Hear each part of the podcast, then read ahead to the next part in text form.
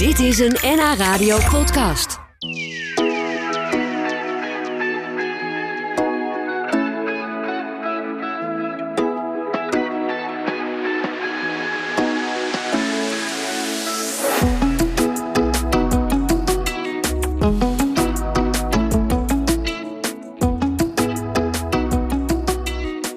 Afgelopen weekend is de Juliana Tiendaagse begonnen. En nou denk je misschien, wat is dat nou weer? Heb ik iets gemist? Is het een wandelevenement? Nee, het zijn de laatste tien dagen dat de tentoonstelling De Eeuw van Juliana nog te zien is in de Nieuwe Kerk in Amsterdam. En de conservator van die tentoonstelling, Pieter Eckhart, die is vandaag bij ons om daarover te vertellen. Welkom Pieter. Ja, dankjewel. En leuk dat je nog even tijd voor ons vrij kon maken. Ja, natuurlijk. Ja, nou ja, maar ik kan me voorstellen Ja. dat je nog wel even druk zijn met die laatste loodjes. Ja, klopt, klopt. Ja, de laatste tien dagen van deze tentoonstelling in de Nieuwe Kerk. De Eeuw van Juliana. Eh, we organiseren tien dagen lang. Tot en met 10 april. Iedere dag een Juliana-event. Een soort mini-festival zou je het kunnen noemen. Wat grappig. Ja, Ja. En, en waarom helemaal aan het einde? Want jullie zijn natuurlijk ook al groots begonnen. Er is heel veel aandacht geweest voor deze tentoonstelling. Ja, omdat en we allemaal... nog zo'n grote finale? We zijn allemaal zo ontzettend enthousiast. En er zijn zoveel verhalen ook opgedoken tijdens de tentoonstelling. En mensen die zich aansluiten, mensen met ideeën.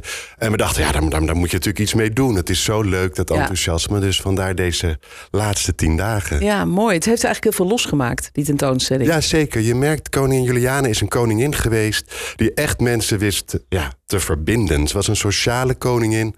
En eh, in vele harten is zij nog steeds terug te vinden. Ja. Dus eh, bij republikeinen werd, was ze zelfs geliefd. Bij punkers. Ja. Maar ook bij de, bij echt de, de traditionele oranje-fans.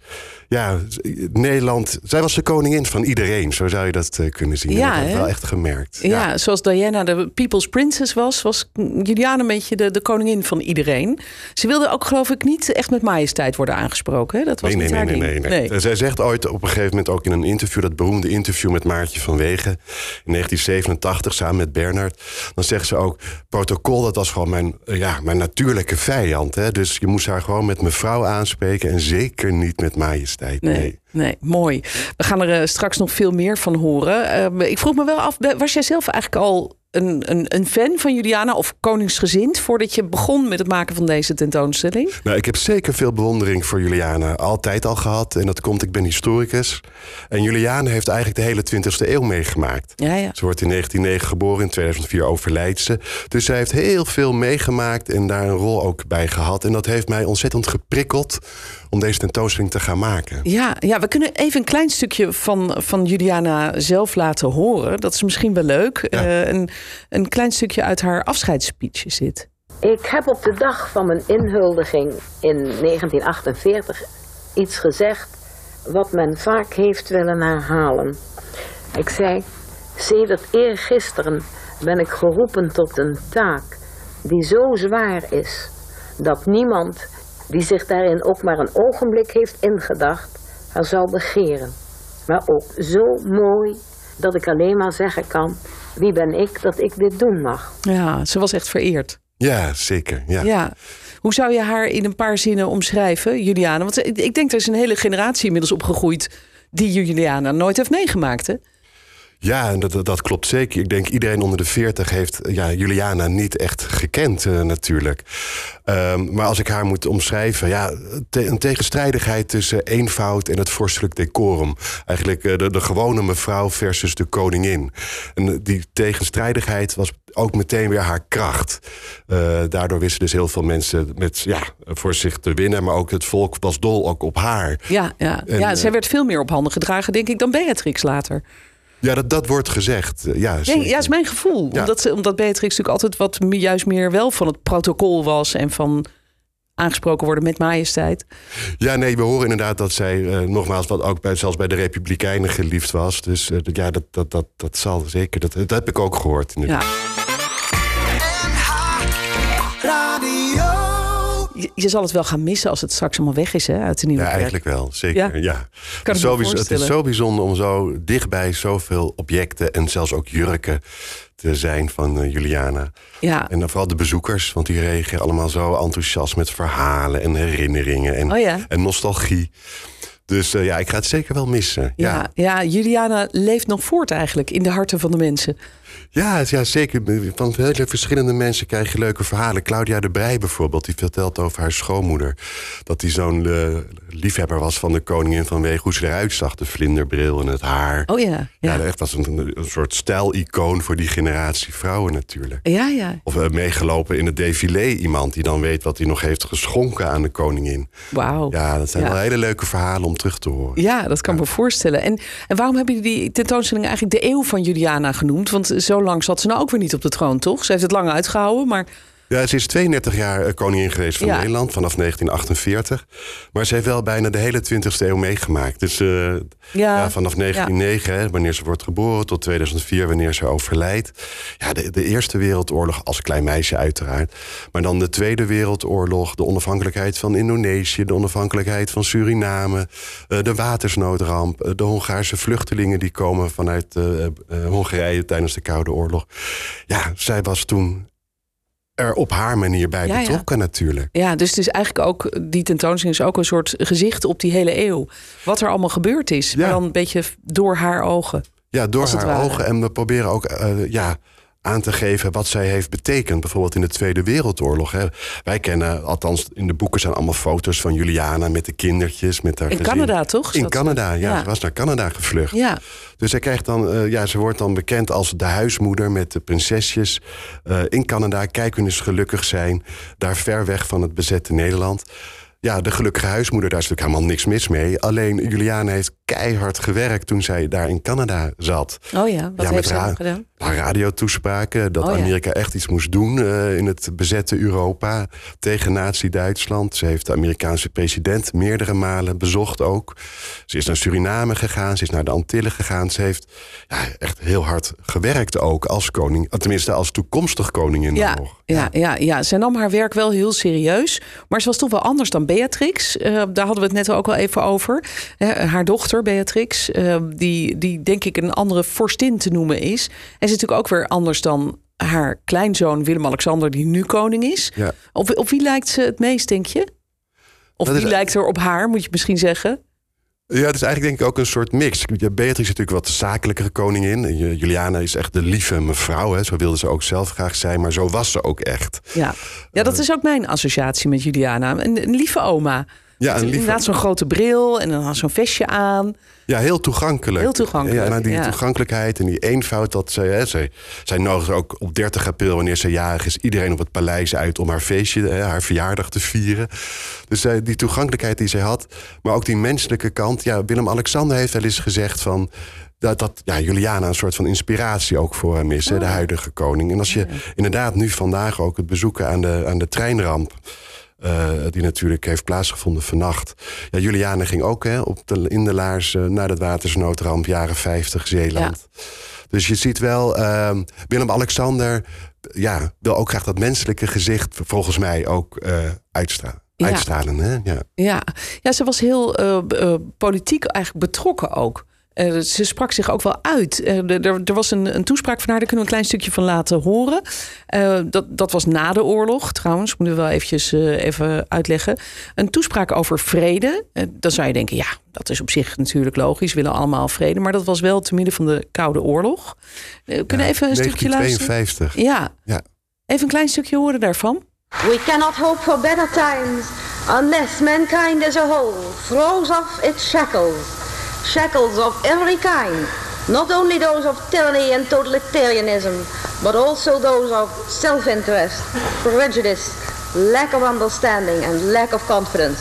Wauw, geen lack of confidence bij haar. Eh, als je haar hoort, dan hoor je de urgentie en ook hoe belangrijk ze het vindt om haar pleidooi voor vrede daar te houden. Hè? Ja, pacifisme, dus vrede was voor haar een heel groot ideaal.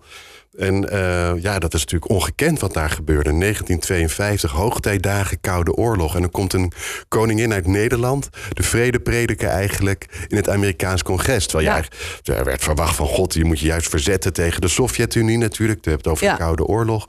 Uh, maar zij predikte eigenlijk in haar speech ja, meer begrip voor elkaar. Want begrip leidt tot elkaar begrijpen. En eh, elkaar begrijpen leidt dan weer tot vertrouwen. Nou, dat Nederlands kabinet wist niet wat hun overkwam natuurlijk. Ik dacht, echt, wat gebeurt hier? Wat is Juliana nou weer aan Wat het is doen? Juliana aan het doen? Maar Juliana begreep de Amerikaanse cultuur als geen ander. En dat heeft ook natuurlijk te maken met haar verblijf in Canada en Ah, ja. Amerika tijdens de Tweede Wereldoorlog. Mooi, ja, zo Ja. komt het allemaal weer samen. De eeuw van Juliana.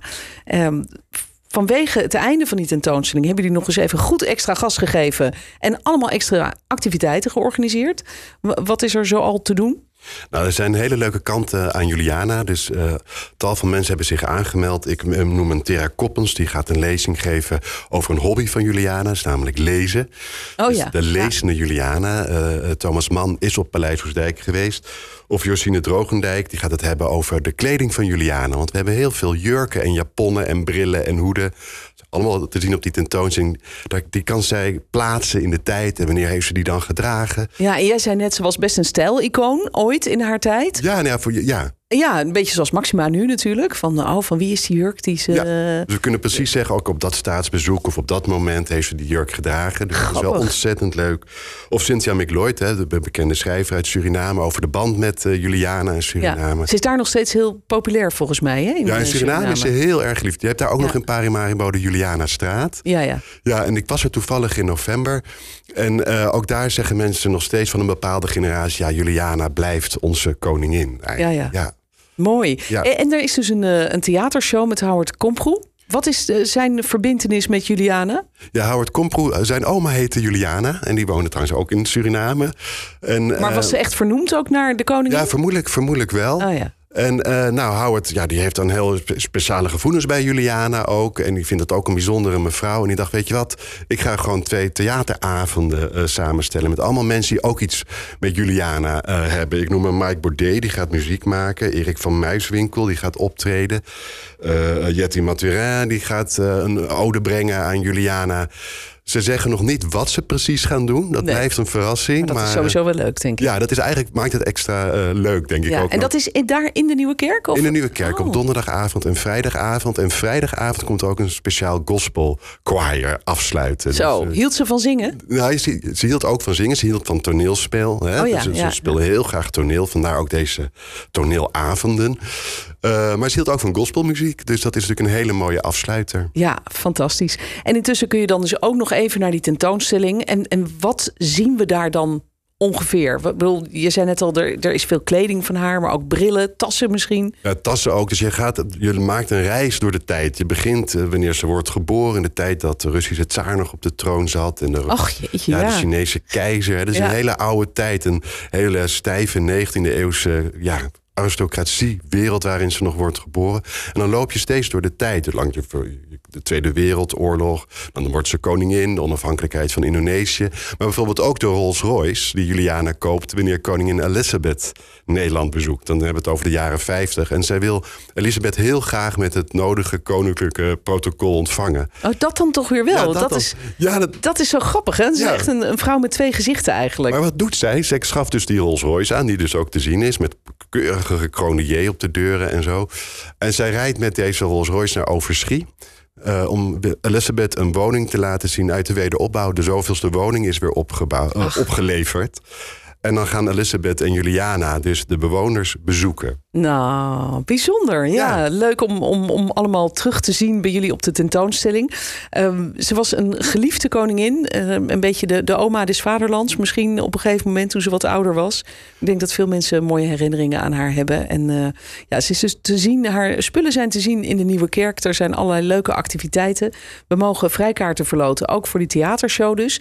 Ehm, en ik dacht, wat wel leuk is, wat misschien mensen, jongeren van nu niet meer zo kennen, is dat ze vroeger, eh, vroeger, eh, zo'n défilé hield, toch? Op haar verjaardag. Op, dus eh, Koninginnedag was, was toen ja, vooral toch het défilé bij Ja, Soesdijk. Ja, op bij Paleis Oesdijk, dat Ja, hele gezin op het bordes. herinneren, Ja. en inderdaad, dat werd ook op televisie uitgezonden. Vaste prik, hè, was dat. Het, het- en de koninklijke familie werd steeds maar groter... met kleinkinderen erbij die dan speelden op het bordes. En verveeld... Ja, prins Bernhard die zich een beetje verveelde dan. en had je prins Klaus denken, ja. en had je Pieter van Vollenhoven. Ja. Iedereen stond op dat bordes en die spelende prinsjes. Ja, en heel Nederland trok voorbij met de, met de krenten mikken... en de, ja, de, ja, de Ja. Martini-torens gebouwd Ja. uit luciferhoutjes. En, eh, Allemaal lokale specialiteiten en streekproducten. ja, Mooi. Juliana was heel blij met haar poppen, want zij verzamelde poppen. Hè? Ja, ik kreeg net een appje ook van een luisteraar die ook zo'n pop heeft gemaakt, een replica. Ja, Ja, echt waar? ja ik zal hem zo even aan je laten zien. Oh, daar ben ik wel ja. heel benieuwd naar. Nou, mooi. Ja, Dave was zo'n moment om die poppen ook in ontvangst te nemen natuurlijk. Ja. Ja. We kunnen een stukje laten horen van het dankwoord van Juliana na het défilé op haar 60ste verjaardag. Daarmee sluiten we af. Dan wil ik graag langs deze weg iedereen die eraan heeft meegewerkt, op wat voor manier ook, om dit zo'n prachtige ochtend voor mij te maken, heel hartelijk bedanken. Ik wens u allemaal een goede reis naar huis terug. En ik zal nooit deze prachtige ochtend vergeten en alles wat u gedaan hebt om mij mijn 60ste verjaardag zo mooi te laten beginnen.